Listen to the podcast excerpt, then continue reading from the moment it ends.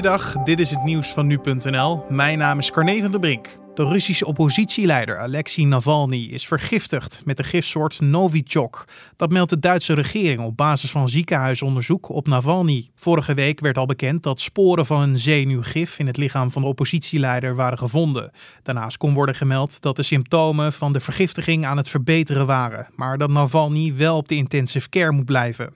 In 2018 werd Novichok nog gebruikt in gasvorm tegen de Russische ex-dubbelspion Sergej Skripal en zijn dochter. De eerste door Nederland gefinancierde opvang voor alleenstaande kindmigranten wordt momenteel ingericht op het Griekse vasteland. Dat schrijft staatssecretaris Ankie Broekers-Knol van Justitie en Veiligheid in een brief aan de Tweede Kamer. De tijdelijke opvanglocaties zijn een alternatief van Broekers-Knol voor het opvangen van minderjarige alleenstaande asielzoekers in Nederland. Griekenland vroeg EU-landen een deel van de alleenstaande kindmigranten uit de overvolle vluchtelingenkampen op te nemen.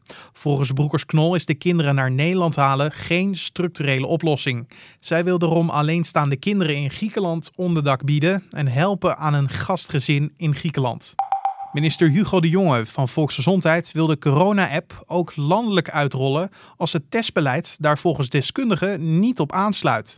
Experts vinden het juist cruciaal dat mensen zich na een waarschuwing van de corona-app ook zonder klachten zich kunnen laten testen. Maar de minister wil daar niet op wachten.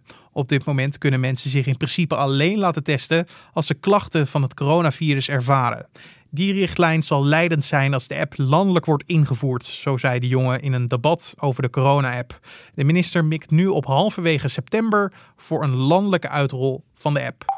Twee 18-jarige Urkers hebben een taakstraf van 60 uur opgelegd gekregen omdat ze in juni van dit jaar een boa van de kade in het water hebben geduwd.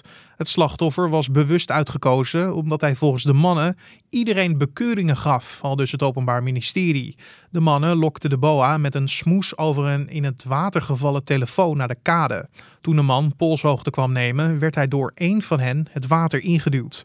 Beide mannen zijn vervolgd voor mishandeling. En tot zover de nieuwsupdate van nu.nl.